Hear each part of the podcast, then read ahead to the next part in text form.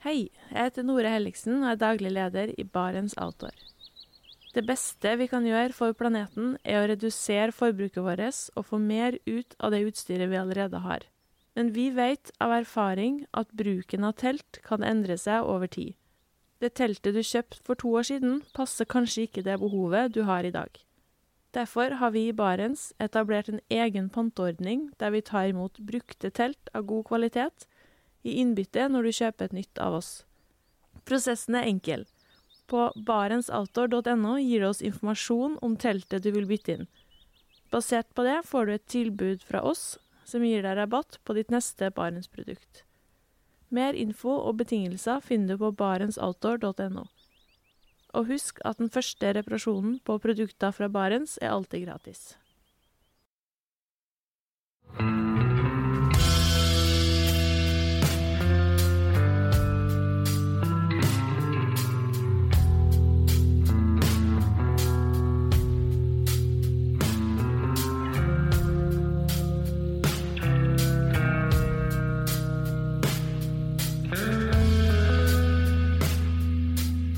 Hei og velkommen til podkasten Uteliv. Mitt navn er Randulf Valle. Denne podkasten handler i stor grad om naturopplevelser. Men hvordan påvirkes vår opplevelse av naturen av det vi litt svulstig kan kalle vår kulturelle ballast? Er vår opplevelse av naturen påvirka av det vi allerede har sett, hørt eller lest? Og hva med dem av oss som formidler natur gjennom bilder, film, tekst eller for så vidt lyd? Tar dem, bevisst eller ubevisst, valg på vegne av publikum? Og hva er det som styrer de valgene her? Dette er store spørsmål som kanskje ikke har fasitsvar, men vi tenkte vi skulle prøve å trenge litt ned i det her i dag. Og med meg for å snakke om det her, så har jeg fotografen som står bak de fantastiske omslagsbildene på episode 200 av podkasten Uteliv. Lars Andreas Dybvik, velkommen. Tusen, tusen takk. Det er jo litt artig å ha deg med igjen nå som vi nærmer oss episode 200, for du var med i en av de aller, aller første episodene av podkasten. Jeg tror det var mens det enda var ensifra episodetall. Ja, det kan nok stemme, det. Ja. Jeg husker det. Det var kjempeartig. Ja, lenge siden. Litt skummelt og kjempeartig. Ja, det, jeg syns òg det var litt skummelt. Eh, Det er en nydelig januardag i Trondheim, eller rettere sagt, det er en klar, kald kveld etter en nydelig januardag. Og det er vel da kanskje ramma rundt mitt faste åpningsspørsmål. Har du hatt en fin tur eller naturopplevelse nå i det aller siste? Eh, ja, det har jeg. Um, hvis vi tar tur, så var det vel for en par uker siden. Da var jeg en hel dag ute i Bymarka og kosa meg. Jeg har begynt å surre litt med skiorientering. Så da var jeg fra soloppgang til solnedgang og gikk på ski og raska med meg mange poster og hadde det helt fantastisk. Åt brødskive med brunost og drakk kaffe. Ja. I mange kuldegrader. Helt Ja. herlig. Eh, Du har jo vært mye i Bymarka i Trondheim, men fører det der til at du får sett plasser du aldri har vært på? Ja, det gjør det. Det var litt sånn Skal jeg liksom trenge en sånn aktivitet for å dra på tur? Det var litt sånn nedtur, syns jeg, da. Men så prøvde jeg det, og så syns jeg det var egentlig veldig givende. Mm. Så, og så har jeg satt meg som mål også å um, orientere litt igjen, da. For de siste 15 årene så har jeg bare gått etter en flekk på en skjerm. Ja. Men nå slår jeg av GPS og, og bruker liksom papirkart og må begynne å følge med igjen hvor jeg drar og beveger meg for å finne frem. Så det handler litt om det òg. Dra frem gamle kunnskaper og freshe opp det. Og ha gleden av å orientere Den. Ja, og, og det òg gir vel kanskje en litt sånn annen tilstedeværelse. Altså, du ble mer oppmerksom på terrenget rundt deg. Ja, det gjør det. Og ja. Og, og det her foregår om vinteren òg, så det er klart du, du kan ikke liksom telle hvor mange bekker har du passert og sånne ting. Du, det gir litt andre utfordringer på Mm. navigeringa. Og så er det jo det når du går fra 1 til 50 000 til orienteringskart, så har du jo tendens til å springe altfor langt. Ja, det har også skjedd. Man tror man har gått en annen distanse enn, eh, på kartet da, enn man har i virkeligheten. Så det er læring i det, men det er artig. Men, men eh, hvis vi ser litt med sånn grunnleggende på det, altså hva er det som gjør at en naturopplevelse for deg blir fin? At den oppfattes som noe positivt? Eh, Det er jo et vanskelig spørsmål, selvfølgelig. Men øh, de største naturopplevelsene har jeg vel når jeg får litt avstand til hverdagen, da. Det er jo det. Eh, og hvis jeg kan undre, eller beundre, noe på turen, så hjelper det på. Mm. Enten at jeg finner noe fint som jeg syns er spennende å se, eller bare fascinerende å, å, å se noe, eller høre noen lyder, eller Det trenger ikke være dyr og fugler, men ja, det blir veldig, det er vanskelig å sette fingeren på det. Altså. det, er det. Ja, ja, hva er det som er fint, da? Ja, hva er det som er fint, ikke sant? Ja. Eh, Hva er det du ser i naturen og tenker at det her var vakkert? ja, det siste, ikke turen, men naturopplevelsen jeg hadde, det var bare nå sist helg. Eh, Da var jeg på hytta, og så skulle jeg ned til bilen for å dra hjem. og Det var mørkt på kvelden, og mange kuldegrader. Og det er jo en tur på Truga som tar fire minutter eller noe sånt i nedoverbakke. Det er ikke noe heftig i det hele tatt. Men i løpet av de fire minutterne med hodelykt i sånn snødekt skog, der det glitrer både i lufta og på bakken, i det lille rommet som da danner seg rundt meg og hodelykta, resten er stappmørkt, Mm. de få minuttene der var en stor og fin naturopplevelse med den, de trærne da, som bøyde seg overalt med, med snø på. Så det var fint. Mm. Den glitringa der, den var fin. At stjernene plutselig var på bakken og ikke på himmelen, det var fint. Altså det er assosiasjonen til stjernehimmelen da, som slår inn på et vis. Ja, akkurat der så var det. Mm. Så det var veldig fascinerende. Og det var, sånn, det var en, en veldig god opplevelse, selv om den var veldig kort. og, og skal ikke noe langt unna, liksom. Det er ikke noe eksotisk. Det var på vei med en sekk med tomgods fra hytta liksom, ned til bilen. Ja. Men det dan, danna seg en egen liten verden, egen liten lomme, akkurat på den turen ned, som ble en fin opplevelse. Men, eh, men hva er det du undrer deg over, da? Altså, du framstår jo for meg som en person som egentlig kan ganske mye om natur. Altså, hva er det som får deg til å undre deg? Ja Nei, det Jeg kan trekke frem et bilde, egentlig, som eh, Arne Næss, tror jeg jeg leste han hadde skrevet en gang, og sikkert sagt. da. Eh, Hvis, hvis stappmørket er uvitenhet, eller ikke uvitenhet, men mangel på kunnskap, mm. og så tilfører du kunnskap. Din kunnskap er da ett stearinlys som du da setter i mørket, og det blir da ei kule rundt rom med lys. Og så har du da ei flate da, mellom den kula som har lys, da, og det mørke. Mm. Og hvis du tilfører, setter et lys til, da, du øker kunnskapen din, så øker du også den flata mot ukjente. Ja. Så jo mer du lærer, jo mer skjønner du at du ikke vet. Mm. Eh, Det syns jeg var et ganske godt bilde på det. da. Og ehm, ja, jo mer erfaring man får og ting man tar til seg, jo mer kan man undre seg over det meste, egentlig. Mm. Både konkrete ting når du er på tur og ser et eller annet, men også bare det å la hodet vandre helt andre plasser enn føttene når du er på tur. Mm. Det er en viktig del egentlig for meg. da. Og, og, ja. Jeg tror det var Nansen som skrev noe sånt når han satt under stjernehimmelen på Fram, at uh, under stjernehimmelen så kan tanken vandre fritt og langt, eller noe sånt i den retning. Ja. og Lurer på om han også skrev noe om at under stjernehimmelen så skjønner du at alle dine problemer er ubetydelige. Ja, nettopp. Men er ikke det òg egentlig litt sånn motsats til skiorientering? For da kan du jo ikke sette hodet i fri. Eh, det er sant. Ja. Det er sant. Jeg hadde ikke tenkt over, men det er sant. Mm. Men den skiorienteringa handler jo også litt om det å friske opp dere kartkunnskapene og, og bruke hodet på det, da. Mm. Gir jo tilstedeværelse, vil jeg tro. Ja, det gjør det. På en annen måte enn når du ser på den eh, prikken på skjermen. Mm. Ja, men det gjør det. Du må lese terrenget og følge med litt. Og når du ikke finner den posten, da, så må du jo prøve å finne ut hvor du er. da. Når du Mm. trodde du var der du ikke var, og motsatt. Men uh, eh, hvor har liksom naturinteressen kommet fra for deg? For altså når jeg tok kontakt med deg for å, eh, for å eh, spørre pent om du kanskje hadde noen bilder som gjorde seg på et plateomslag, så er det jo fordi at jeg har kjent deg en stund, vet at eh, du er mye ute, og at du er Du tar bilder som har en kvalitet som mine stort sett ikke har. Og, men, men det her må jo komme et sted fra, da. Ja, altså naturinteressen er jo noe som jeg har fått i barndommen. Vil jeg tro, i hvert fall. sånn som jeg ser det. For jeg har jo alltid blitt eh, tatt med ut av mor og far min. Vi var alltid på fjellturer om sommeren med telt i minst ei uke. Eh, Og hvis vi møtte tre personer på den turen, så syntes farsan det var folksomt. Så det, det er liksom det jeg flaska opp med. da. Ja. Så, så det sitter jo i. I tenårene så ville man jo bort fra det. Da var ikke det der noe kult. Men så kommer det tilbake da i voksen alder. Og, Mm. Eh, Så jeg tror nok eh, frøet ble jo sikkert sådd den gangen. da.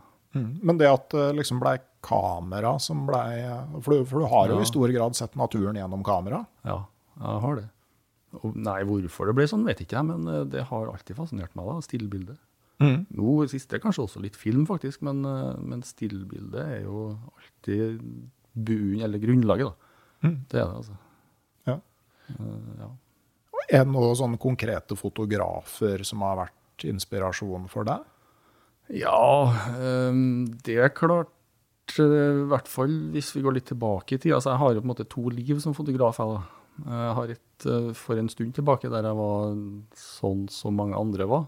Som kanskje framsida på dette platecoveret kan til en viss grad representere. Altså det klassiske naturfotografiet som beskriver.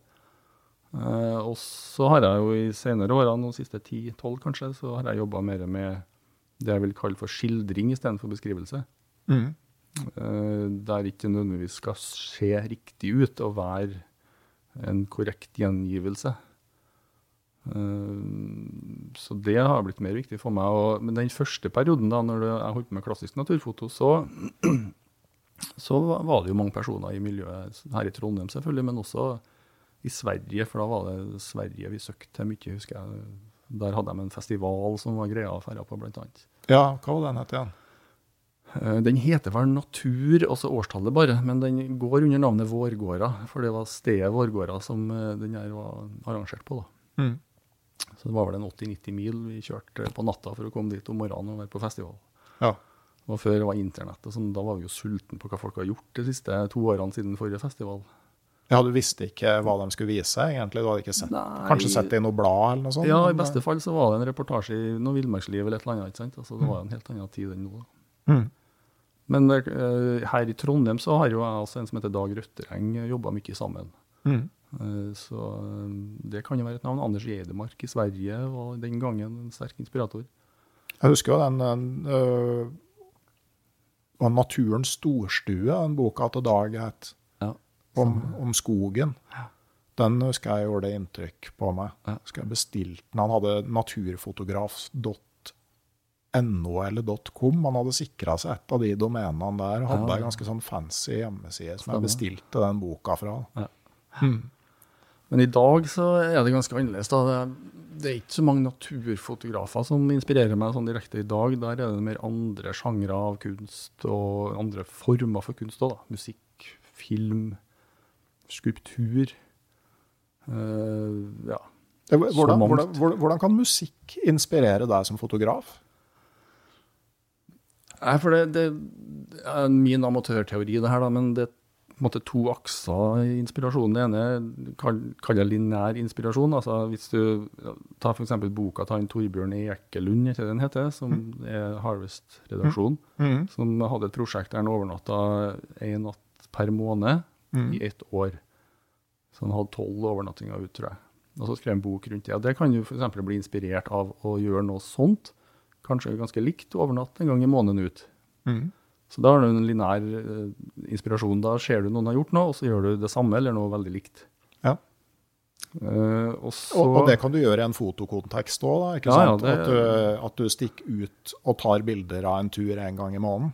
Ja, eller tar mm, en type bilder, da, eller type uttrykk. Det er jo egentlig den mest vanlige formen for inspirasjon, er jo nettopp det. Mm.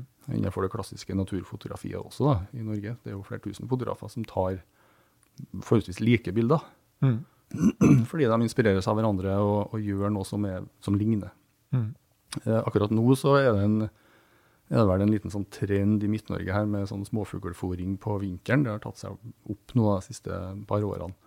For da er det en, en som har gått litt i, i forkant og gjort litt med det og vist noen fine bilder, og da kommer veldig mange etter da, og vil gjøre det samme. Mm.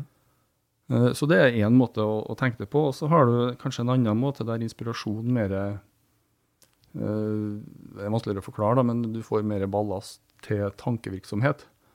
Som du kan omsette i egne ting uten at det nødvendigvis er likt. Og da kan du få inspirasjon av musikk eller film eller helt andre kunstformer eller uttrykksformer enn det du sjøl holder på med. Mm. Eh, Det er selvfølgelig vanskeligere, men veldig givende, syns jeg, da. For det er litt sånn jeg har jobba i senere tid, da. Vi var inne på, Før vi skulle starte podkasten, så var det inne på det med bøker, og hvordan det kunne ha inspirert oss òg. Så vi kommer tilbake til det. da, men Nei, må bare snakke om bøker. men der er jo kanskje et eksempel. Den ene boka som jeg hadde tatt frem her, jeg tenkte å vise deg, var selvbiografien til Ingmar Bergman, 'Lanterna Magica'. Ok. Eh, den kan være et eksempel på noe som inspirerer meg. Fordi at eh, når han forteller livshistorien sin, så, så skjønner man at de filmene han har laga, kommer innafra. Eh, De er ikke kalkulert, de kommer fra magen og hjertet. da Mm. Bakgrunnen av livshistorien hans og det han har gjort og det han har erfart. Eh, Og det at det da er personlig, og, eller kommer fra intuisjonen på et vis. da. Eh, Og det kan være inspirerende for meg. For da kan jeg skjønne at jeg skal ikke kalkulere hvilke bilder jeg skal ta for at jeg skal få likes på Facebook, f.eks. Men jeg skal ta bilder som eh, min intuisjon syns at er, eller belønner hjernen min med at jeg syns er ålreit. Mm. Så det er mer at jeg kan være inspirert av mindsettet som den boka hans eh, forteller om, eller er et vitne om, som kan inspirere til mitt mindset.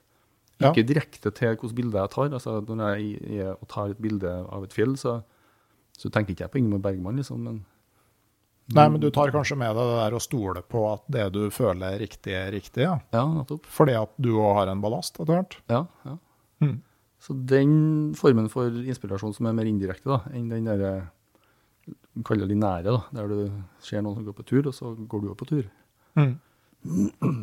Jeg hadde en venninne som eh, tok eh, diplomoppgave i arkitektur på å anvende Bella Bartoks komposisjonsprinsipper på arkitektur. Ja. Jeg er ikke noe veldig sånn eh, Bartok-kjenner, men så vidt jeg forstår, så lagde han sine egne skalaer hvor toner bytta plass og sånn. Ja.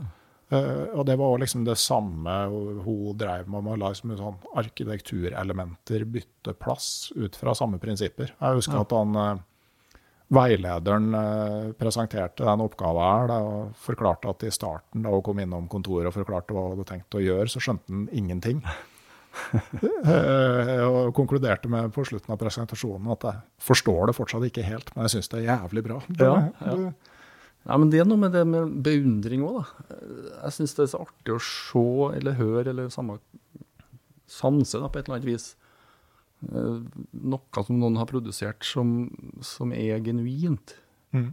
Jeg vil jo bruke ordet kvalitet, da, men det er klart det er jo et eh, subjektivt begrep. Men, eh, men folk som er flinke til noe, som gjør det fordi at de har lyst til å gjøre det, ikke fordi de har lyst til å kalle det bli berømt eller lyst til å å få noen form for kred, men de gjør det fordi at de bare syns det der må de gjøre.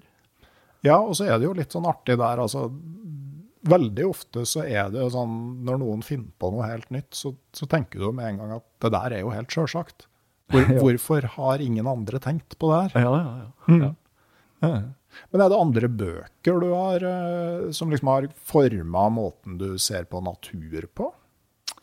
Ja, det var vanskelig eh, egentlig, da, nettopp fordi at det ikke er så direkte. Men, men det er jo selvfølgelig det, da. Den eh, Ja, Richard Dawkins eh, har vel skrevet om The Selfish Gene, tror jeg. Det var en bok jeg leste som satte meg på sporet av mye tanker. da. Uh, sjette utryddelsen er det en bok som heter. Problemet mitt er at jeg leser veldig sent. Jeg er ikke noen flink leser. Uh, og det der er en tråd jeg nå da, begynner å se gjennom livet. da, og aldri skoleflink heller, for jeg greier ikke å konsentrere meg og lese noe lenge. Så jeg leser veldig sent. Og det er kun nå i voksen alder at jeg har liksom begynt å få noen bøker eh, rundt midja, nær sagt. Og jeg har jo eh, også skjønt etter hvert at eh, det irriterer meg litt, da, for jeg skjønner nå at det er så mye bøker jeg gjerne skulle ha lest, som jeg ikke hadde fått tid til å lese. Det er litt frustrerende. Ja, hva er det du gjerne skulle lest? Åh, nei, den lista har ikke jeg begynt å skrive på engang. Like greit. Ja, Mm. ja. Men jeg bare skjønner at det er så mye der. da. Det er så mye spennende tanker. Mm. Eh, jeg hadde Knausgård sin serie som lydbok i bilen, den eh, Min kamp. Mm.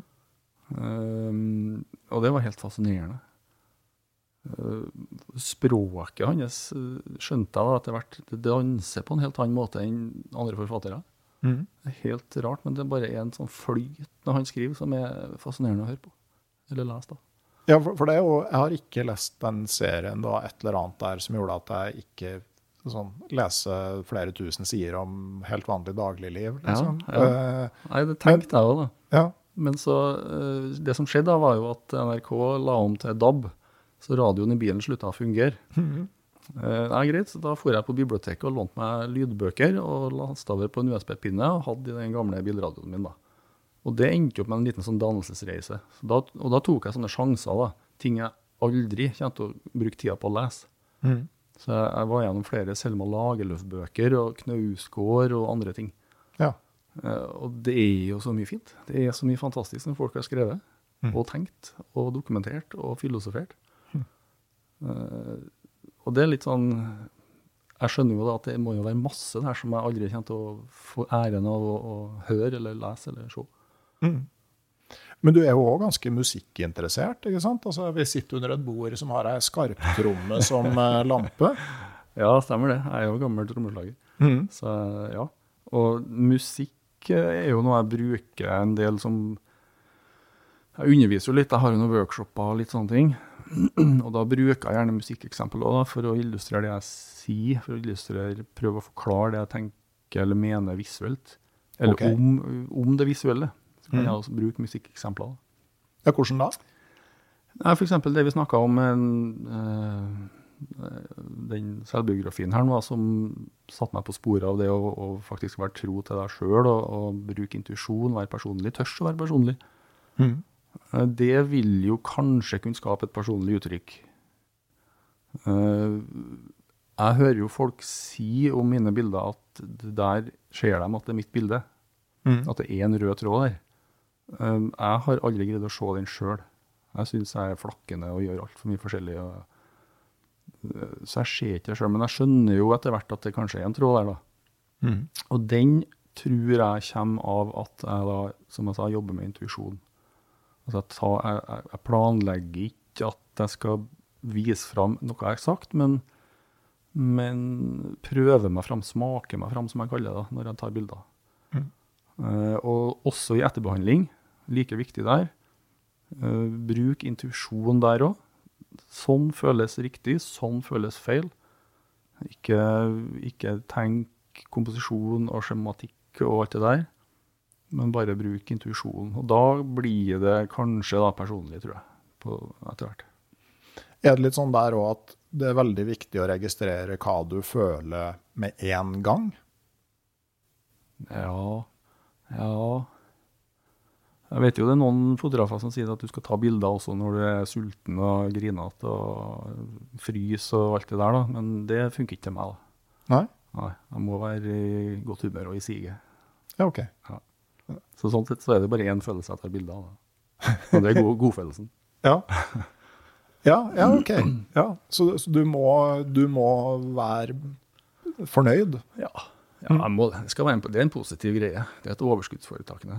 Må- Jo, ja. men jeg på sånn med førsteinntrykk. Altså sånn når du henter det opp på, på dataskjermen, altså er det bilder du har bladd forbi i mange år, og så oh, ja. plutselig oppdaga at her har jeg et blinkskudd? Ja, selvfølgelig. Helt klart. Og det skjer, eh, det skjer stadig vekk. Ja. Fordi at jeg utvikler meg når jeg får nye inputs av ja, forskjellig kunst som jeg kikker på. For jeg, jeg konsumerer mye forskjellig kunst. da. Og da tenker ikke jeg kunst så mye bilder i ramme på vegg, men teater, musikk, eh, dans, performance, altså masse rart. Mm. Jeg, jeg utfordrer meg sjøl helt bevisst der. Fordi, og det er noe som jeg eh, snakker mye om på disse workshopene mine, folk, hvordan kan vi bli kreative? Hvordan kan vi få inspirasjon? Uh, og kreativitet er jo bare en assosiasjonsbane, egentlig. Så hvis du koker bort alt det fancy, så er det jo bare at du, har, du ser eller hører noe, og så assosierer du det til noe annet, da er du kreativ. Mm. Uh, og det annet, det må jo være inni hodet ditt, ellers så kan du ikke assosiere til det. Nei. Og da kan du resonnere videre at eh, skal du greie å være kreativ, så må du putte noe inn i hodet. Som grunnlag for kreativiteten. Og hvis jeg da bare ser på havørn som snapper fisk i overflata, og vil det være veldig begrensa hvor kreativ jeg kan være, da, for det, er nå bare det datagrunnlaget hodet mitt har å assosiere på. Ja. Så derfor så har jeg utfordra meg sjøl bevisst i mange år nå med å, å, å dra på og oppsøke kulturelle ting som jeg i utgangspunktet tenker at det her er nok ganske rart. Det her er smalt. Og så Noen ganger så drar jeg hjem og skjønner ingenting. Andre ganger så er jeg helt sånn wow! Enn. Tenk at jeg fikk oppleve det her. Så kult. Jeg husker jeg snakka med deg etter du hadde vært og sett uh, Motorpsycho på Trøndelag Teater. Stemmer det. Det var en sånn en. Mm. De spilte jo uh, Satt ned i orkestergrava på gamle scene på Trøndelag Teater. Sånn 200 år, en sånn gammel teatersal. Så satt Motorpsycho nedi der og dundra på. Og så var det teaterstykket da, eh, på scenen da, som også brukte projeksjon da, på, som en del av, av eh, riggen på scenen. Altså kulissene var projisert. Og det hele ble bare en sånn løfta opp i en høyere enhet. Og det var så kult. Jeg gikk to ganger, for jeg måtte se det en gang til. Det var så heftig. Ja, tøft. Eh, men Så du tenker liksom at eh, du jobber fotografisk med intuisjon, og så fyller du på litt sånn bredt, da, for, å, eh, for at det skal kunne ta nye retninger? ja. Jeg har jo jeg tenkt på det før du kom nå, og jeg tror egentlig jeg har øvd meg på å bryte regler. Ja. Eh, For en periode så gjorde jeg det ganske bevisst når jeg komponerte og tok bildene. Så plasserte jeg hovedmotivet helt annerledes enn jeg normalt ville ha gjort da, fra den klassiske lærdommen. Jeg er jo et barn av det vanlige klassiske naturfotografiet. Ja, for du har jo en Så- bok som ligger foran deg her om The Golden Ratio. Ja, stemmer. Ja, altså Det gylne snitt. Ja, det er jo en sånn komposisjonsregel. Mm. Eh, Så det kjøpte jeg jo den boka og leste i. Den er litt buklete, ser du, for den havna i elva, men det er en annen sak. Ja. Men eh, ja, for det ville jeg vite mer om, og det var jo masse spennende å lære om det. Da er vi inne på litt sånn matematikk og den type ting, men, eh, men ja, nei, jeg brøt regler bevisst en periode for å øve meg litt på det.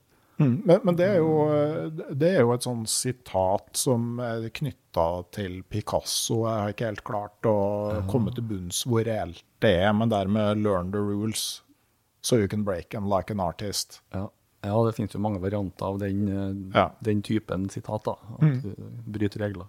Ja, men det, altså, måte, at det er et poeng med å kjenne de reglene du bryter. da. Ja, eh, det er litt sånn, jeg tenker at det er litt som å lære seg sykkel, da, eller ikke bil. Jeg, har, jeg kan jo sykle nå, så jeg trenger ikke å tenke på hvordan jeg sykler.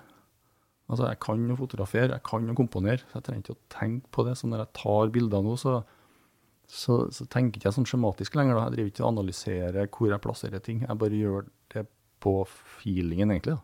Ja. Skal vi se.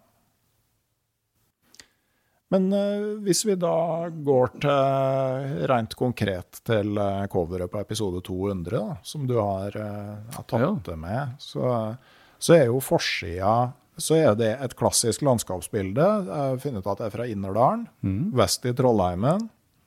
Det er spotlys på skog i forgrunnen. Det er på en måte to dybder med fjell. Eh, og det er da tåkeskyer som letter i, i bakgrunnen.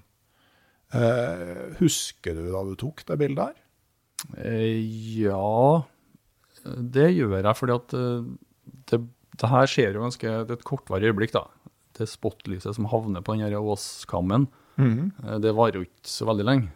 Eh, For det her er et sånn brytningsvær. Det er dårlig vær, godvær, land, skulle du si, eller ja, brytningsvær. Og da er det sånne lysflekker som vandrer rundt i landskapet. Så det her er tatt på en workshop jeg har eh, hver høst. I september så har jeg en workshop oppe i Innerdalen, og da er vi på den plassen som jeg står her nå, stort sett alltid. Eh, og da kommer det lyset, og jeg ser det Drar seg til med en sånn lysstripe på bjørkeåsen her, og da er det liksom full eh, gass, da. Opp frem med kamera, det er jo allerede frem selvfølgelig, men litt springing og jogging i landskapet for å finne rett standpunktet. Det er elv her i mellomgrunnen på dette bildet, som eh, renner nedover og forsvinner bak den eh, solbelagte eh, bjørkestripa. Samt at du har en diagonal av noen fjell i bakgrunnen. Og alt det her må på en måte, du må prøve å plassere det litt i flata. da. Mm. Og da er det jo egentlig inn på sånn komposisjon som vi snakka om. Ja. Men samtidig så er jeg ikke analytisk til det. og Jeg er bare følelsesmessig engasjert på det. Jeg tenker at sånn stemmer det. Hvis jeg flytter meg fem meter til høyre nå, så stemmer ikke like bra. Nei. Det er målestokken. altså. Målestokken er ikke linjalen, men følelsen. Ja. Hvor viktig er det skydekket foran de bakerste fjellene? Eh, Det er nok ganske viktig, for at du ser ikke eh, toppen på alle fjellene. Eh, Og da kan du sjøl fantasere ut hvor høy de egentlig er. Kanskje de er høyere enn hele platecoveret. Ja. Kanskje ikke. Ja, for jeg tenker at eh, det er jo en sånn slags mulighet for øyet å vandre innover i bildet, og også uten å komme til en konklusjon. Da. For det er jo noen bilder du ser veldig fort hva det er, og så, og så er det ikke noe mer historie å fortelle der, egentlig. Mm. Men, mens her er det en sånn uh, undring over hva, hva er det egentlig som befinner seg i bakgrunnen. Ja, ja, det er det. Eh, På noen, jeg har noen eksempel på noen andre landskapsbilder der jeg faktisk har kutta fjellene i etterbehandlinga. Kutte toppen av fjellet. Og det er jo en, sikkert en eh, erkesynd innenfor naturfotografi. Det, akkurat som å kutte vingetuppen på en fugl. Mm. Det er mange fotografer som bare sletter bilder fordi at noe sånt er kutta. Men vi vet jo hvordan en fjelltopp kanskje ser ut. Vi vet hvordan en vingetupp ser ut, så vi fullfører jo den imaginært i hodene våre, selv om den ikke er med i bildet. Ja. Og det der er et virkemiddel som jeg har trua på. da, Å bruke, rett og slett bruke utkant, altså det som er på utsida av bilderamma. Mm. Eh, la ting fortsette i kanten, og, og i hodet til betrakteren da, fortsette på utsida av bildet. Mm. Eh, Det tror jeg kan gjøre mye, da, også på klassisk naturfoto, som da kanskje det her er et eksempel på. Så, så vil det bli mer spennende hvis du kan f.eks. bruke et sånt grep. For det handler om, om det å la den Det handler om ikke å undervurdere publikum. Ja. Publikum kan tenke sjøl. Du trenger ikke å tenke alt ferdig for dem i bildene. Det sa vel eh, Richard Dawkins òg. Ja, det kan være. Never underestimate your audience. Ja. Det, Nei, det, det er noe med det, altså. Men øh, hender det, når du liksom står og ser et landskap du syns er fint, at du på en måte kan begynne å analysere hvorfor du oppfatter det som fint? Liksom, her er en fin bakgrunn, mellomgrunn, her er det en S-kurve. Ja, ja, når jeg tar frem kamera, så kan det skje. Ja. Men ikke før jeg tar frem kamera. Nei, det er sjelden. Da, for da går jeg glipp av opplevelsen. Mm. Og den er jo like viktig som bildet. Mm. Sånn at eh, Nei, jeg analyserer ikke noe mye sånn. Jeg gjorde nok mer det før, da. Mm. Nå gjør jeg mindre det. Ja.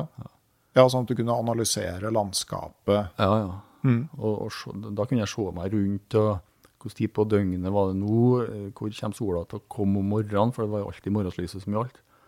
Ja. Hvorfor er morgenlyset bedre enn kveldslyset? Nei, si det.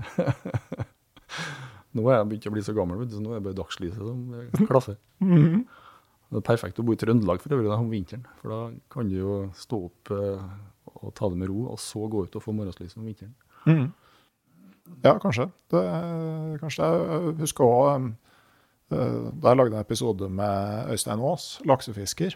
Han sa at han klarte ikke å få med seg morgenfiske før etter at han hadde hatt barn. Ja, ja. For da var han så vant til å stå opp når det var forferdelig vondt, at han, eh, at han, eh, at han klarte det fortsatt. Da. Så det, liksom, eh, det kan gå i mange retninger, det der. da. Men hvis du, hvis du ser tilbake til norsk landskapsmaleri på 1800-tallet, mm. så er jo det gjerne i samme type vær og lys som det bildet på framsida av plata her. Ja. Nemlig sånn brytningslys. Det er aldri skyfritt og soloppgang, sånn som moderne naturfotografer kanskje trakter etter. Ja, men så ser du jo at mange av de mer sånn de naturfotobildene som også skiller seg virkelig ut, og som vinner konkurranser, de kan Mm. fortsatt være tatt i sånn brytningslys. Jeg husker Alexander Myklebust hadde et bilde fra Jotunheimen som var tatt liksom De var egentlig litt sånn uh, tvilende til om det var noe vits å gå på tur den dagen, og så gjorde de det. Og det er da du får de her Mm. helt magiske stemningene. Jeg har jo fortsatt vondt etter at vi da jeg bodde i Hammerfest, og Lars Mathisen og jeg, vi kjørte sånn liten båt, altså sånn skjærgårdsjepp, ut til, til Seiland for å gå på midnattssol-topptur. Ja. På, eh, ut til Kårhamn, Stortinden, tror jeg det heter. ja, det høres jo fantastisk ut. da. Ja, og det var jo det, men det snødde, og det var surt og kaldt. Og, eh, så vi ga oss og dro tilbake, og sånn i firetida om morgenen, når vi var tilbake, da hadde det skinnet opp. Ja. Og liksom hele Ja. Sørøysundet sto i brann. Jeg, jeg blir fortsatt litt grinete når jeg tenker på den helt fantastiske muligheten til noen unike skibilder som, eh, som vi ikke var tålmodige nok til.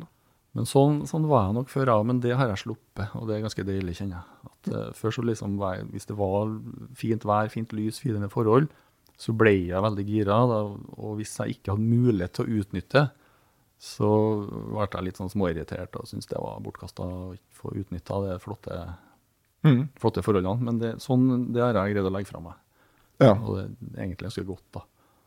Jo, der tror jeg var litt fordi vi hadde vært ute for å, Ja, for å oppsøke de forholdene der, og så var det ja bare klart da, liksom, når det var så close da, uten å to, treffe. En time for lite tålmodighet. Da. Mm, mm. Det, det, det, det sliter lite grann. Ja, jo, det er så lenge. Mm. Men uh, jeg tenker altså det med komposisjon. Det handler jo i stor grad egentlig om å systematisere, Mm, om å rydde opp. mm. Tar du bilde av et urskogsinteriør, så handler det jo om å måtte på et eller annet vis ta noe som er bare kaos, og så finne de plasseringene, linjene, elementene som gjør at det appellerer til noe vi syns er estetisk. Mm. Det er jo en sjølmotsigelse i det. Ja, kanskje. Um, på den annen side så er vi jo, tror jeg da, eller har jeg fått forståelsen av, så er vi jo genetisk egentlig rusta til å rydde opp. Eh, for jeg har lest eh, Det var noe som heter persepsjonspsykologi. Altså hvordan vi underbevisst oppfatter det vi ser. Eh, og der er det noen som skrev noe om loven om den gode figur. Som egentlig er at vi, vi eller hodet vårt, da, underbevisst, prøver å rydde opp i ting og prøver å, å få en abstrakt form til å bli noe gjenkjennelig. Ja. Det er derfor vi får en, en bergnaus til å se ut som eh, profilen av et troll eller av et menneske. Eller at vi finner lav som ser ut som Afrika, eller? Altså, Det fenomenet da, er en sånn underbevisst ryddetvang som hodene våre har. I større eller mindre grad, selvfølgelig, fra menneske til menneske. men eh, Så derfor så rydder vi jo enten vi vil eller ikke. da. Ja, du har jo Altså- sett hjerter overalt Eller? Ja, jeg hadde en sykdom på det. Stemmer det. Ikke helt sluppet taket ennå heller. Nei. Nei, altså sånn sett, så selv om du ikke er fotograf, så rydder du, da. Uten at du tenker på at du rydder. Ja. Så fotografen gjør det kanskje i større grad, da, fordi han skal prøve også å komponere et bilde. Så det er klart. Mm. Men, men når du da på en måte har altså En urskog er jo veldig kaotisk. Ja. Og så prøver vi på en måte, som naturfotograf, så prøver du å framstille det på en mer ryddig måte. Ja, ja nei, det er jo sikkert en selvmotsigelse i det. da, det er jo det. Men eh, da er det om å gjøre å rydde passe mye, da, eller passe lite. Mm. Må beholde illusjonen av rot. da. Ja. Men så er det forskjell på fint rot og ikke så fint rot. da. Mm. å finne det. Ja. Det er, det er en øvelse. Ja, jeg husker jo Dag Røttereng som du snakka om. Han, eh, han snakka vel litt om det der med å måtte, ikke se på enkeltobjekter, men på grupper av objekter. Mm. At uh, det kan være en sånn hjelp til å komponere mer komplekse bilder. Mm. Ja, det tror jeg nok. Eh, Men for meg igjen, da, så, så er jeg tilbake til intuisjon. Altså. Mm. Altså, jeg bare kjenner, kjenner er en god følelse der, og så en mindre god følelse når jeg går litt til side. Mm. Og da går jeg heller tilbake igjen der det var en bedre følelse. Mm. Og så kan jeg selvfølgelig i ettertid da, analysere det med diagonaler og S-kurver og uh, grafikk. da. For det, det tror jeg, altså grunnlaget i enhver komposisjon tror jeg er grafiske elementer. Mm. Bæreelementet er linjer og former. Ja. Det, det er jeg ganske så sikker på. Mm. Eh, Men de kan være subtile, og de kan til og med være ufullført, sånn at vi fullfører dem inni hodene våre, selv om de ikke er der på bildet. Mm. De kan være antyda, påbegynt, og så fullfører vi dem. Ja. Men jeg tror i de aller fleste bilder så, så greier du å, å koke det ned til noen form for eh, grafisk struktur, da, noen linjer. Mm. Men det der er jo litt eh, sånn det samme i musikk, for jeg har hørt om musikere som ja, de har lagd ganske sånn banebrytende ting i ungdommen, Mm. og, og, og så lærer de seinere musikkteori. Så Ja, skjønner de at OK, ja. ja For forklaring på hvorfor det derfor funka det. Ja. ja. det. Det føltes riktig, men det var en grunn til at det føltes riktig.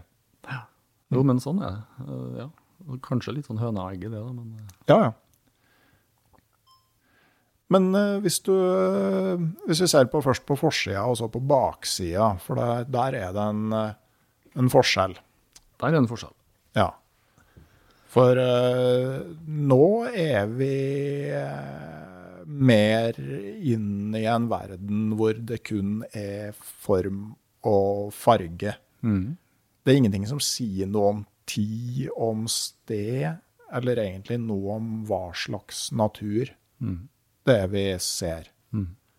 Uh, det blir en annen opplevelse som betrakter. Ja, det gjør det. Det kan jo hende at det er en vanskeligere, eh, et vanskeligere språk òg, da. Der er vi jo forskjellige, selvfølgelig. Men for å ta hva det er først, da. eh, Så er det jo tatt på nesten samme sted. Det er bare tatt ned i dalen. Det er Innerdalen. Det er Innerdalstårnet. Det ikoniske sukkertoppforma fjellet Du verden. som, eh, som vises. Og så er det elva rett nedom setra. Vannflata i elva som lager disse gardinaktige stripene. Er det en refleksjon i elva, altså? Ja, begge de to Det er en dobbelteksponering. Ah, Så det er to bilder som er tatt på samme i Før i tida ville vi ha sagt filmruta, men eh, det kommer ut ei fil, da. Som sånn to bilder som er lappa oppå hverandre. To eksponeringer. mm. Eh, Begge er tatt på eh, litt lang lukkertid. Først fjellet, med kamerabevegelse. Det gjør at du har mer enn én kontur av fjellet her. Litt sånn ullen versjon av det. Mm. Og så er eksponering nummer to eh, bare strie strømmen i stryket i elva rett nedom, med kamerabevegelse, der jeg følger eh, Altså bevegelsen til kameraet følger bevegelsen til vannet. Hadde du en idé om at det skulle bli seende sånn ut? Mm, både ja og nei. Fordi at på den type bilder så, så er det kvalifisert gjetting på et vis. da. Nå har jeg en del erfaring, så jeg vet litt hva jeg kan forvente. Men det handler om å ja, Jeg sammenligner det med matlaging igjen, det der. da. Du lager gryte, og så smaker du deg frem. Skal du ha så mye av det krydderet, så mye av det krydderet. Og Det samme gjør jeg når jeg tar sånne bilder. Da ta, begynner jeg å ta bildene, og så i og med at det er digitalt, så ser jeg jo der og da hvordan resultatet blir på skjermen på kamera. Mm. Og det er på en måte smakinga, det å se på, se på skjermen. Eh, og så kan jeg justere. Så kan jeg prøve litt mer bevegelse, litt mindre bevegelse, eller um, annen rekkefølge på dobbelteksponeringa, eller hvem vet. Men, men var det på en måte, hadde du en klar idé i hodet om hvordan det skulle bli seende ut, og så jobber Nei. du for å få til det, eller begynner Nei. du med et utgangspunkt, og så justerer du til det føles bra? Ja, begynner med et utgangspunkt, og så justerer. Mm. Eh, jeg hadde jo en idé om at jeg ville ha altså Jeg vet jo at jeg får de stripene, for det er skumdotter. Som akkurat når vannet passerer over en stein, så blir det en liten skumdott akkurat der. Og når jeg beveger kameraet forbi det, eh, så vil jo den skumdotten bli ei stripe på bildet istedenfor et punkt eller en dott. Mm. Eh, Så det vet jeg jo. Jeg vet jo at den kamerabevegelsen vil gi meg noen striper. Eh, Og så vet jeg jo at de lyse delene, altså stripene, skummet, vil jo da vises godt mot den mørke fjellsida. Så noen sånne forutsetninger vet du. Eh, og så er det da testing og feiling, og se om det klaffer eller ikke klaffer. Om det føles rett eller ikke føles rett. Det som er artig, da, at da, da Bodil og jeg satt og plukka bilder til coveret, så visste jo ikke vi at Ja. vi så på to bilder fra samme sted. Nei, Så. Det, så det, det var faktisk først i dag, nå, at jeg har forstått det at det er en samhørighet mellom de to her bildene. Det er jo det. det. I tillegg så er jo det baksidebildet er jo eh, konvertert til sort-hvitt, og så er det tona i blått.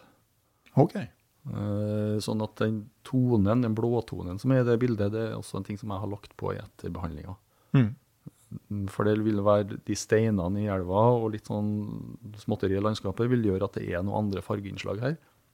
Og jeg syns bildet blir sterkere og bedre hvis det er homogen farge i det. Så da tar jeg bort all fargen og toner det til sort og hvitt. Eller lager det til sort og hvitt, og så tilfører jeg bare blåtone etterpå. Hm. Så det er gjort med det bildet her, da. Ja.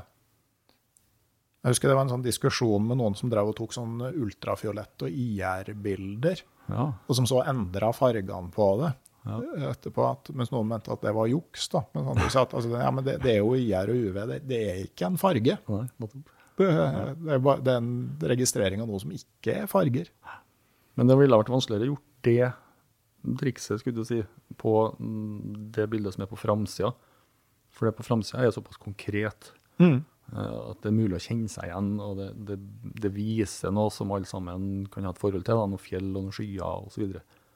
Mm. Mens på det her, som er såpass abstrakt fra før, det som er på baksida, så, så blir det bare en del av, eh, av helheten. Da. Ja. Men uh, både du og jeg, vi, uh, vi er jo i uh, naturen eh, måte av fri vilje. ja. Så lenge vi ønsker. Mm. Eller ofte mye kortere enn vi ønsker. ja. Men når eh, måte, naturen blir eh, ubehagelig, så trekker vi oss tilbake til til sivilisasjonen. Mm. Kan det gi oss et litt vel romantisk natursyn? Ja, det er jo ikke noe tvil om. Vi kan jo skumme fløten bare.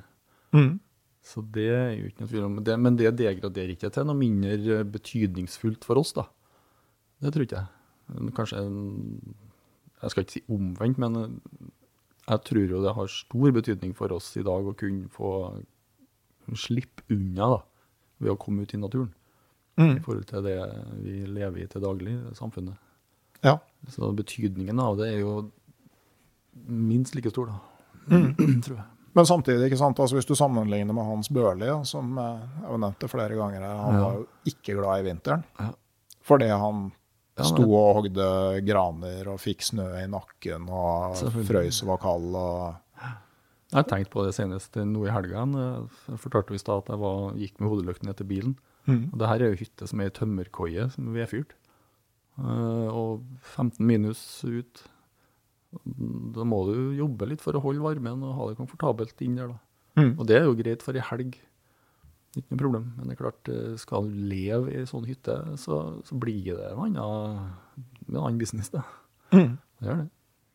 Ja, det er også enda sterkere egentlig med Robert Scott, som kommenterer når han er på Sydpolen, stedet han alltid har ønska seg til.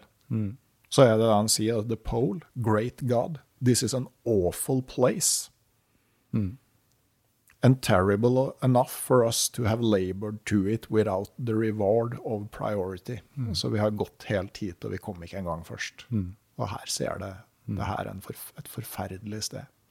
Men Jeg kan jo forstå han stakkaren, for der var det jo et reelt kappløp med ett mål.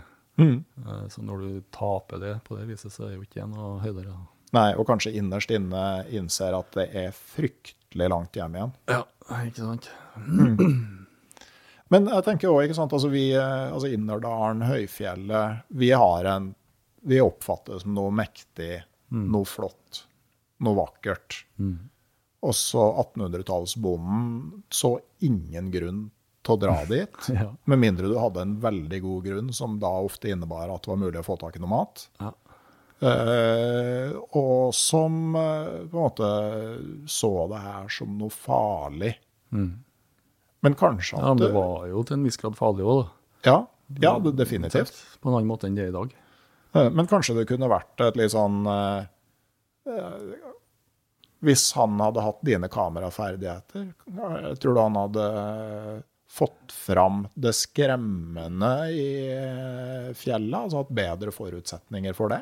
Ja, det tror jeg nok. Mm. For han kjente jo på det. Altså det, det skremmende er jo ikke en følelse som er nært for min del. Nei? Til meg så er det jo gode følelser. Og jeg sa jo innledningsvis òg at jeg, jeg vil jo være i godt humør når jeg tar bilder. Det er da Ja. det funker best.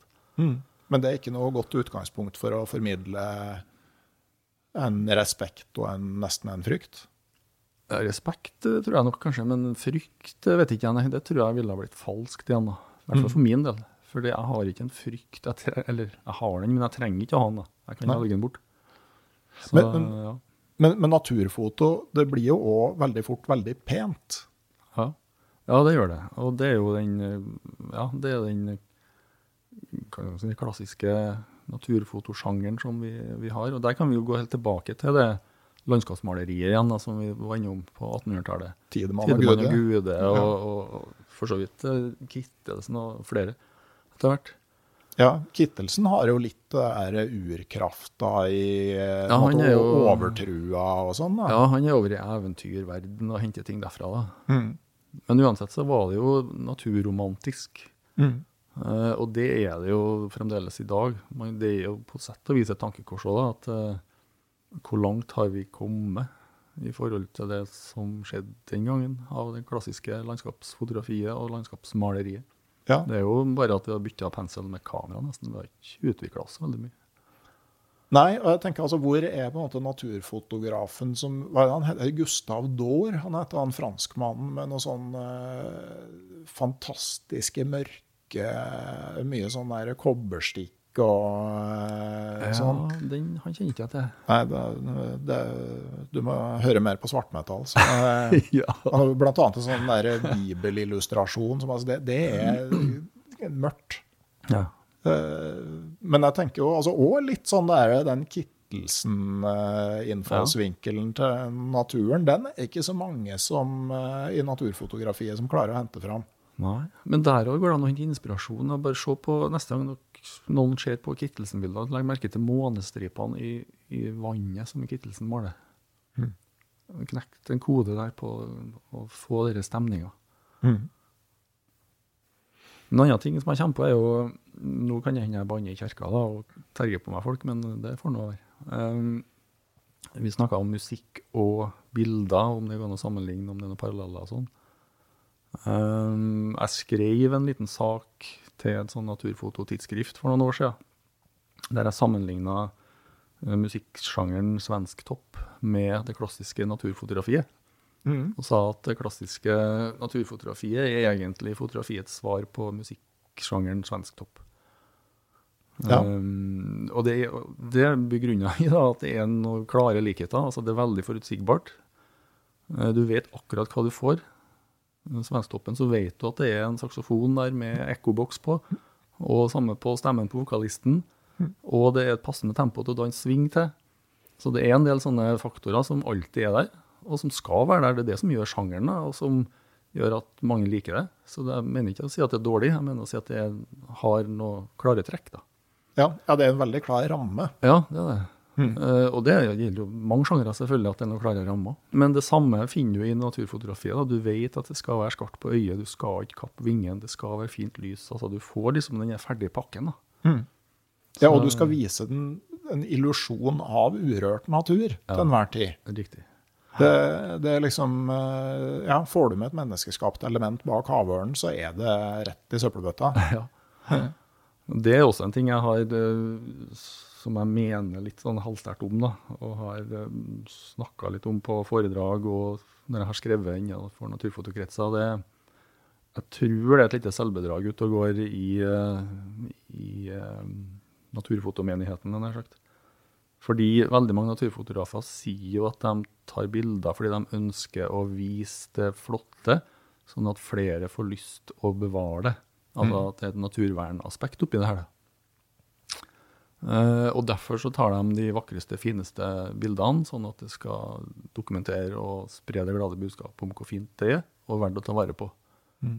Mens jeg tror at det fungerer stikk motsatt. Jeg tror det gjør alle rundt oss, publikummet vårt, da, søvnig. For de ser jo bare at det finnes jo masse flott natur ennå, så det er ikke noe stress med å, å, å Vi kan jo vel bygge ut litt her og bygge ut litt der. fordi at eh, Naturfotografene er jo levende bevis på at det er masse her ennå som er fint og bra og urørt. Ja, Sprute ut nye årfugl- og tiurbilder hver eneste vår. Ja, og så har eh, de naturfotografene finjustert stativet sitt eh, på kamera osv. for å unngå eh, hyttefeltet. Og, ikke sant? Mm. Eller vi flat, flatehogsten. Ja. Ja, Så vi lager en illusjon der da, som jobber stikk motsatt av det mange av oss sier at vi ønsker. ja, En annen sak er jo at eh, det var jo nå nettopp en naturfotograf, utenlandsk tror jeg, som vel fikk 15 000 i forelegg for å ha pusha en reinsflokk på Dovrefjell. Ja. Det har jeg ikke hørt om før. Nei. Men jeg tror ikke han er den eneste som kunne ha fått et sånt forelegg. Nei, det er så mye. Uh, og uh, Nei, det har du rett i. jeg tenker jo at eh, friluftsfolket, sånn som med bålfyring, har du sett en sånn endring i sjøljustis? Mm. Bare i løpet av noen få år. Eh, og jeg tenker jo kanskje at uh, Kanskje er turen kommet til naturfotomiljøet. Mm. Det, Altså, Ja, du det- skal ha en veldig, ja, god historie, egentlig, for å kunne komme tilbake med et villreinsbilde fra Dovrefjell eller Rondane Mm. Som du kan ha fullt og helt god samvittighet for. Ja, altså, jeg tror jo ikke motivasjonen til den menige fotografen er at de skal redde verden. Jeg tror motivasjonen er at de skal øh, krysse opp på lista da, at de har fått til det her, de òg. Fordi de kan det, og fordi disse dager også de har råd til det. For mye er jo guiding i dag. Mm. Uh, og det igjen, det er ikke noe galt med det, men det kan være ålreit å erkjenne det, bare. Ja, det kan det jo. Og så er det jo eh, måte, hva, hva har eh, Når du sier de menige, du snakker om dem, altså hva har offiserkorpset fortalt om hvordan Yes. gjør man det her? Riktig. Eh, I hvor stor grad har man Altså, hva er historia bak nærbilder Ja. av villrein på strengeste vinteren? Eller i Hva- brunsten? Hva gjør forbildene her? Ja. Hva viser dem? Så det, så det er jo en, mm. en litt sånn jeg, tror kanskje at det er en sånn eh, katarsis som eh, Det blir jo noen, noen sirkel nesten, da, fordi at det er jo, jo nærmere du er moskusen, jo flere likes og wows får du på Facebook. Ja, ja. Det, det er ikke noe tvil om det. Og én ting er jo på en måte moskusforstyrrelser og faren ved det, men enkelte år så holder jo moskusen og villreinen seg på vinterbeite i omtrent samme område. Så det, det der er ikke helt enkelt. Og jeg ja, altså når, når virke som naturfotograf i dag òg ofte òg innebærer guiding, reisearrangering. Altså, jeg tror ikke du redder isbjørn best ved å ta flest mulig med for å se på den. Nei, Nei det tror ikke jeg heller. I hvert fall ikke bare det. Og det er klart, altså ut fra et sånn der eh, å bruke bildene til å skape oppmerksomhet altså det heller enn å altså Du trenger ikke dra til Galapagos for å skaffe oppmerksomhet, for det er veldig mange som har bilder derifra. Og det er kjøpers marked. Det er fullt av dilemmaer når du begynner å grave i det der. Der Ja, ja. Med sånn turisme da, og guiding, så er det jo Da får jo naturen en verdi i form av kroner og øre og arbeidsplasser som er positivt. For da vil man jo kanskje heller ha naturen der da, enn å bygge den ned med et eller annet annet. Definitivt. Men all den reisinga som skal til for å få folk dit for å oppleve det, Mm. har jo en negativ effekt. Ja. Så det, uansett så havner du i sånne bakevjer da. Ja da, det, og, og det er jo eh, alltid vanskelig, det her. Men, men, Det er men det er nettopp det det er, da. Og det tror jeg kanskje handler mye om den erkjennelsen. At man vandrer rundt i dilemmaer. Ja, ja nettopp det å erkjenne i hvert fall, da, og, og tørs å være åpen på det. Altså, jeg tar jo ikke bilder for å redde verden heller. Jeg Nei. tar jo bare bilder for at jeg syns det er fint. Mm. Ja. Det er ikke noe mer avansert enn det. Jeg har jo heller aldri fremma noe sånn altruistisk prosjekt i det jeg har drevet med. Det skal sies at jeg grubler mye på det etter hvert. da. Jo. For jeg har egentlig en liten drøm om å kunne, ikke forandre verden, men, men kunne sagt noe mer, med noe mer substans enn at det er fint. Mm. Det er en sånn tanke som jeg grubler på.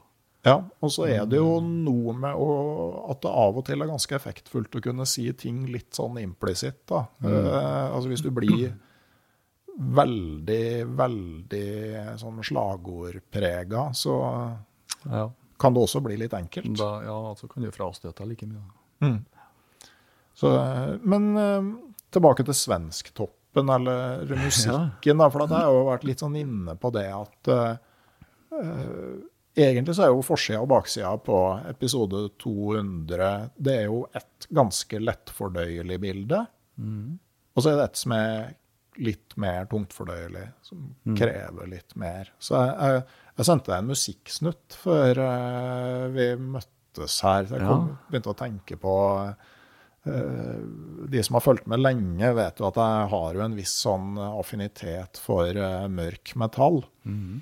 Og akkurat nå så er jeg ganske fascinert av et amerikansk enmannsband som heter Black Braid Ja.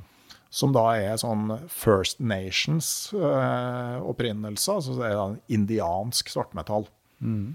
Eh, og jeg sendte til deg da, ba deg høre på de to første sangene. En, eh, en veldig sånn enkel akustisk gitarintro og ei åpningslåt som da bråker vesentlig mer, men som egentlig har med seg akkurat den samme gitarfiguren.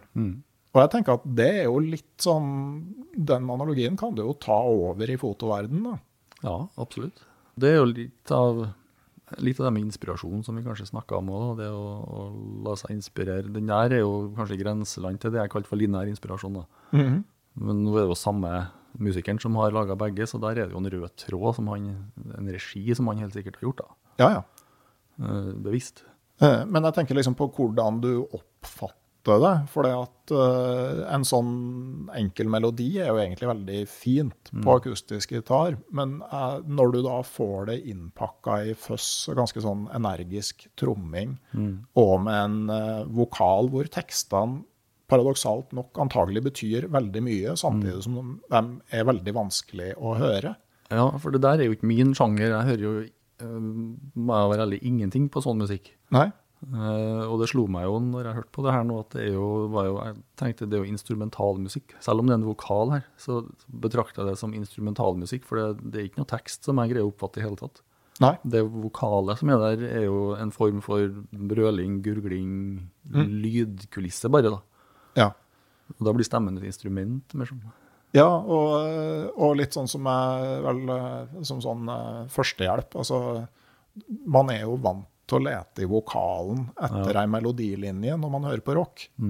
Eh, Men eh, det er liksom sånn første triks for å forstå svartmetall, det er å, å, eh, å erkjenne at det er gitaren som har narrativet.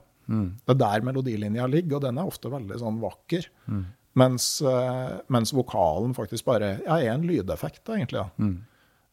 Men jeg tenker jo at det der sier jo kanskje noe Altså, jeg tror jo at sånn er det jo åpenbart innen foto og billedkunst og film og sånn òg. Altså at du har noe som er innpakka på en måte som du ikke er vant til.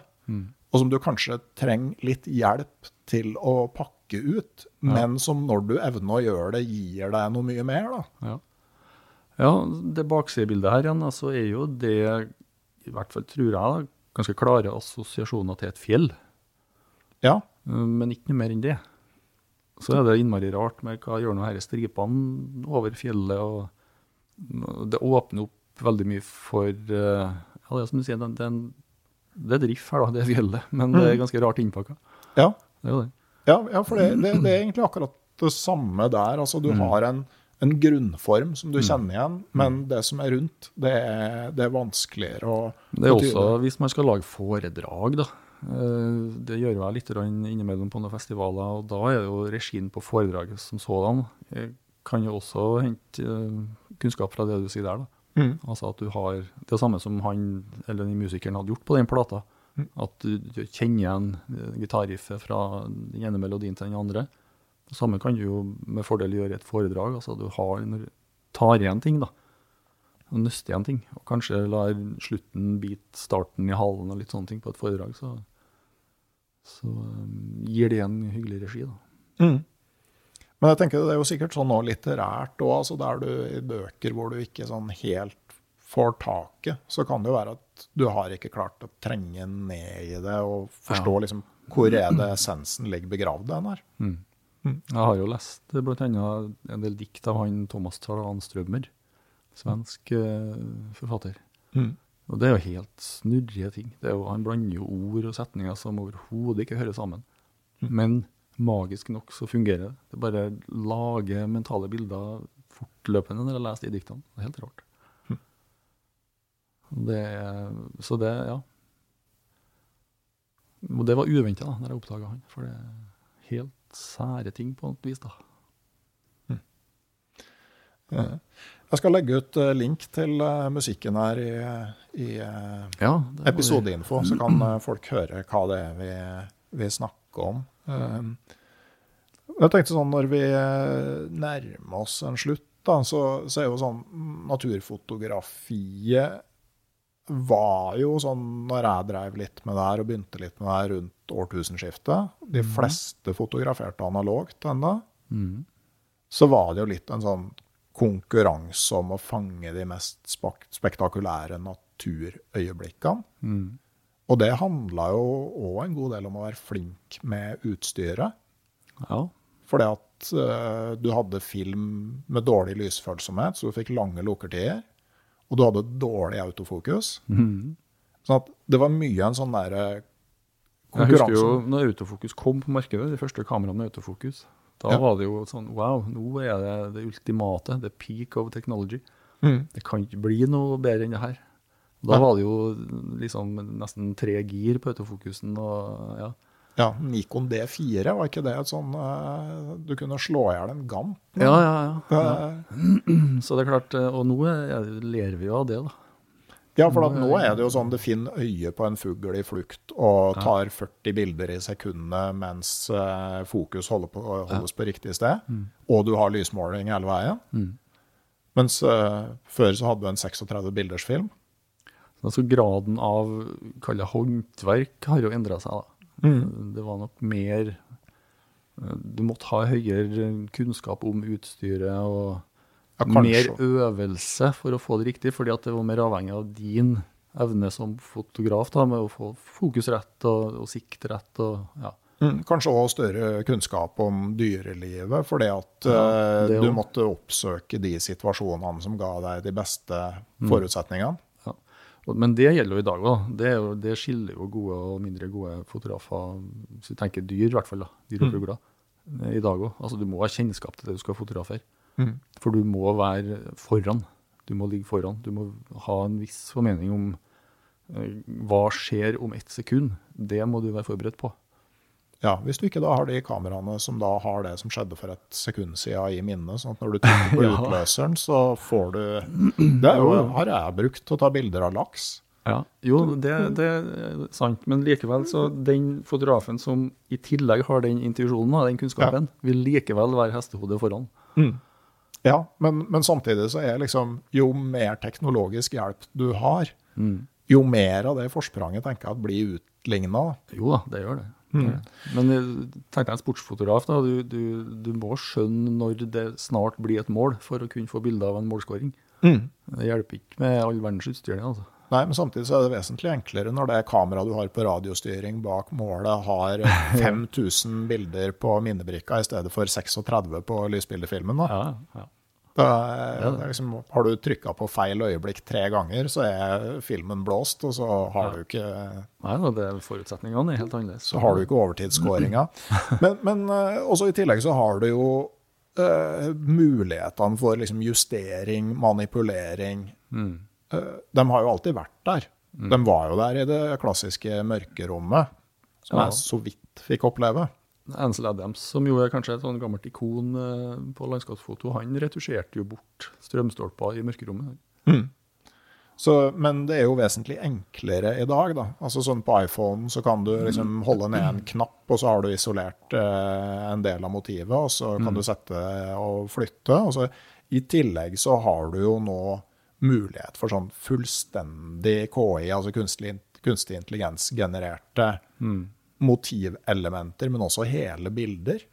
Så hvor går naturfotoet altså, Og det er altså Fra vi spilte inn episode nummer et eller annet mellom 1 og 10, Ja. og til vi nå spiller inn en episode tett oppunder 200 i løpet av fem år, så har det her endra seg fundamentalt. Ja, ja, det er dramatisk. Det er det. Nei, det der er en utfordring vi står overfor, da. Men jeg må innrømme jeg er ikke så bekymra for naturfotoet, da, for det blir, det blir en fjert i sammenhengen her. altså. Ja. For kunstig intelligens kan gjøre så mye annet hvis du tenker større enn vårt eget basseng, holdt jeg på å si. da. Så, så er det mye mer å bekymre seg over enn om det kommer noen falske fiskeørnbilder i sirkulasjon. altså. Når KI settes i system med falske nyheter og som eh, ja, det at vi, vi vet jo ikke hva KI-en gjør, kan vite, Vi vet bare at den gjør noe, at vi får gode svar. Ja. Så eh, det har jeg også skrevet en liten sak om i det bladet som jeg skriver litt til. Da, at eh, er det her egentlig en moderne versjon av sånn Frankenstein? Altså Vi har alltid tenkt på et sånn at vi skaper et monster, så er det noe som er menneskelikt. En robotfigur eller et eller annet fysisk som kan ta kvelertak på oss og gjøre oss vondt. Mm, Men kanskje det er KI som worst case skal manifestere det. Altså Hvis KI-en finner ut at det er lurt å gjøre lure mennesket. Det kan jo skje. Ja. Vet? Vi vet jo faktisk ikke hva KI-en gjør for å komme frem til svaret. Og da kan vi jo da kan vi vanskelig evaluere svaret òg, da. I en del tilfeller. I hvert fall på ting som er så komplekse at vi ikke forstår måten den tenker på. Ja. Og det syns jeg er mye skumlere å tenke på enn om det kommer noe Om fuglefotografene får til å bytte ut bakgrunnen for fuglebildene sine. Altså. Det Ja, blir, ja, og, åpenbart. Eh, åpenbart. Men, eh, men eh, jeg tenker jo liksom, ikke sant, altså naturfoto sånn vi har vært vant til det, er jo en av de tingene som Ja, det vil jo eh, påvirke det sterkt. Jeg var jo mm, på forrige naturfotofestivalen på Ski, den norske naturfotofestivalen, så eh, var det mitt ansvar å skaffe bilder som et panel med fotografer, og to fotografer og en kunstner, bildekunstner, eh, skulle sitte på scenen og evaluere og si det de mente om bildene, mm. live foran publikum. De hadde ikke sett bildene før. Eh, jo, de har fått sett bildene før. Så jeg samla sammen da, en rekke bilder til dem. Og de fikk se dem, men de fikk ikke vite noe mer enn som så. De Fikk ikke vite hvem som hadde tatt bildene, eller hva det forestilte. eller noe som helst. De fikk bare se bildene, eh, så at de var litt forberedt. Og der lurte jeg inn et landskapsbilde laga av kunstig intelligens. Mm. Eh, ingen reagerte. Nei, syns den var bra? Ja, de diskuterte og syntes det var litt, ja, kanskje det var litt sterke farger og litt sånn heftig photoshopping. Og, mm. og, og, og det ville jo ha vært riktige kommentarer hvis det var en menneske bak det. Mm. Men uh, hele salen med vet ikke hvor mange hundre mennesker og panelet, ingen mm, fatta mistanke. da. Nei. Men det ble jo selvfølgelig avslørt der og da. altså Mm. Det var jo sånn at når de har diskutert et bilde, så vises det på lerretet hvem som var fotografen, og, og applaus til vedkommende, og så det neste. Mm. Og da var jo, ble det jo avslørt. Da Da var det Art E. Fischel som hadde tatt det her bildet. Ja. Hvordan reagerte de på det? Eh, Det ble jo latter, da, selvfølgelig. Men eh, det, det, jeg tror det var et nyttig tankekors, da. Ja. For alle, også publikum. Mange som fikk erfare, da. Det er noe annet når du ser det i noe tidsskrift, eller for den saks skyld hører det på en podkast, at eh, ja, ja, det går an, og det er skummelt. Da. Men der ble det liksom reelt, da. Alle sammen ble lurt. Trill rundt. Der og da. Mm. Da følger du litt mer på det. Mm. Uh, og det bildet går an å se på nettmagasinet Harvest òg, forresten. Ja. Pål Hermansen har skrevet en sak om det og, og brukt bl.a. det bildet der. Mm. Så der går det an å søke opp det og se det. Ja.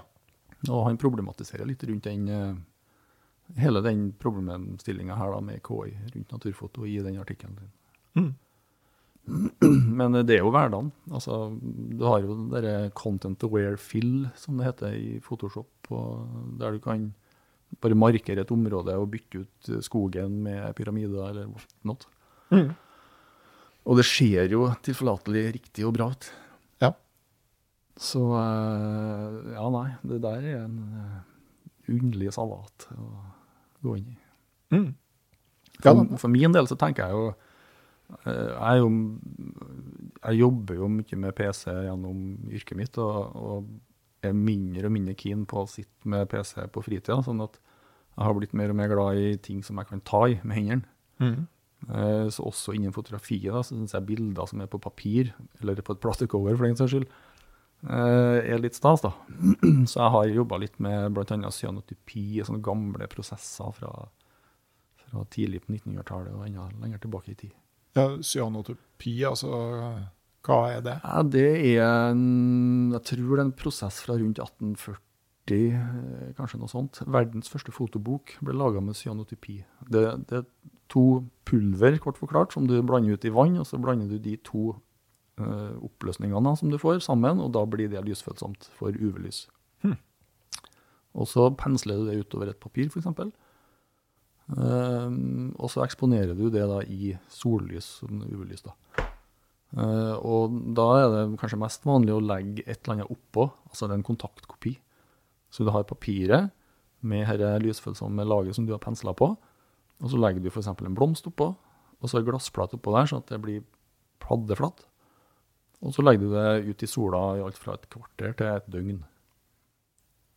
Og så skyller du hele greia i vann framkaller bildet, og da sitter du igjen med et avtrykk av den blomsten i en blåfarge på det papiret. Ett eksemplar.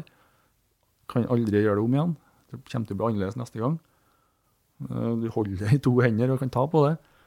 Og du har ikke vært borti en PC, har ikke brukt strøm. Altså det er noe, ja, det er noe med det taktile da, som jeg syns blir mer og mer spennende. Skal du ha likes på det, så må du invitere folk hjem. Helt riktig. Det kan jo være en fordel, det òg. Jeg har en skummel plan om å greie å ta et bilde av solstripa et døgn med den prosessen her. Ja. Så du får en sånn buekurve egentlig, over bildet. landskapsbildet. Mm. landskapsbildet. Går hele veien tilbake igjen. Det er en uh, sånn motreaksjon her. Ja, og da tenker jeg at det går ikke an å KI-e på noe vis da. Nei, ikke før du tar bilde av det for å legge det ut på nett. Ja, men likevel, den litt buklete papiret som jeg sitter igjen med, Mm. eh, går på en måte ikke an å lage på en annen måte. Har du fortsatt storformatkamera liggende, eller? Ja, jeg har det. Jeg har det. Og da snakker du Det- filmstriper på størrelse med en vanlig roman, omtrent? Ja, så der er det jo ikke, ikke film Nei, på rull, da, men eh, film på, på et ark. Så det er jo det kameraet eventuelt kan bruke til en sånn solstripeprosjekt. da. Hmm. Så jo, det har jeg. Det er sånn trekkspillkamera, ikke sant? der du har en sånn belg og du står med jakka over hodet for å se på glassplata bakom. og Mm. Det er old school. Da, da vurderer du litt før du trykker på utløseren. Det gjør du. Jeg husker når jeg brukte på det som var lysbildefilm den gangen. Da, da var kostnaden 110-120 kroner per bilde. Uh, og da er vi tilbake på 90-tallet. Ja. Så 110-120 kroner den gangen var litt mer enn i dag, i hvert fall. Mm. Så da, klart, da tenker du deg om to ganger før du peiser på med 20 bilder i sekundet. Det er liksom ikke den verden. Nei, og, og i tillegg der så har du forsvinnende liten dybdeskarphet, så vidt jeg husker, på et sånn storformatbilde. Ja, men eh, litt av greia er at du kan jo legge den i andre plan og andre akser enn et vanlig kamera kan. Ja, nettopp. Så du kan manipulere det på helt andre måter enn eh, Men, men det er jo òg en ting du må være sikker på at du har gjort riktig. før du... Ja. Ja, det må For du kunne liksom manipulere sånn at alt fra forgrunnen til bakgrunnen var skarpt, fordi at filmen lå skeivt i Ja. forhold til bildeplanet, kan du si. Ja, eller optikken ligger skjevt i forhold til bildeplanet. Du kan faktisk vri begge da, og herje. Mm. Så det er spennende. Det er mye fysikk og artig inni begravd i det der, da, som er gøy å holde på med. Ja, det var sånn jeg egentlig eh, ikke fikk satt meg nok inn i, syns jeg det var rett og slett altså, rent fysiske med optikk. Mm. Hvordan jeg hadde Jeg tok et fag i lys- og elektronmikroskopi eh, som en del av doktorgraden. Det Ja. var jo for så vidt eh, spennende nok. Og prinsipielt så er det jo, så vidt jeg vet, ikke noe stor forskjell på elektroner og fotoner. Men, eh, men, Men eh, det morsomme er jo at det er jo en linje fra det der fram til det vi holder på med nå. I hvert fall, ja, sånn som jeg da, som har beveget kameraet nå på dette bildet som er på baksida av plata. mm, Eh, Så er jo det gamle fysiske lover. Jeg rører på kamera, fjellet står i ro. Men på kalle filmen, eller på sensoren i kamera, så vil jo da fjellet ha flytta seg under eksponeringa, og dermed så blir det litt sånn diffust, og det blir mer enn én kontur av fjelltoppen. mm. Og det er jo akkurat det samme som har vært siden fotografiets oppfinnelse, det er i 1839. Ja. Jepp. Tusen takk for praten, Lars Andreas Dubvik. Bare hyggelig. tenker For de som liker fysiske format og ikke har tålmodighet til å vente på å komme på besøk for å se på solstripa di, så kan man jo bestille episode 200 av podkasten Uteliv, som nå er ei uke fram i tid. Jeg setter stor pris på de som har bestilt. Og det er flere igjen av alle typer. Finn link til det her òg i episodeinfo. Løp og kjøp, er ikke det det heter? Ja, det, det heter vel det. Det er jo en genial idé, da. Podkast på vinyl. Altså, man må jo bare sikre seg det. Ja, jeg hører du sier det. Jeg vet ikke om den er, den er i hvert fall rar. Ja. Det, eh, og det tiltrakk jo meg. Det var ikke, som du sier, du har ikke noen sånn markedsvurdering for bildene om de kommer til å selge, og det hadde jeg heller ikke her. Det, men det var noe jeg hadde lyst til å gjøre, så derfor så skjedde det. Kred for det. Helt til slutt, da, så spør jeg jo som vanlig, altså til tross for at Trondheim viser seg fra sin vakreste vinterside, så er det jo andre plasser man kunne tenkt seg vært. Altså. Hele verden står til din rådighet. Du trenger ikke å tenke på noen praktikaliteter. Oi, oi, oi. Hvor ville du sittet nå? Ja, kanskje å sette på enten lyset fra hodelykta, så kunne du slått av den og så sett stjernene. Og visst at du våkna på det stedet i morgen.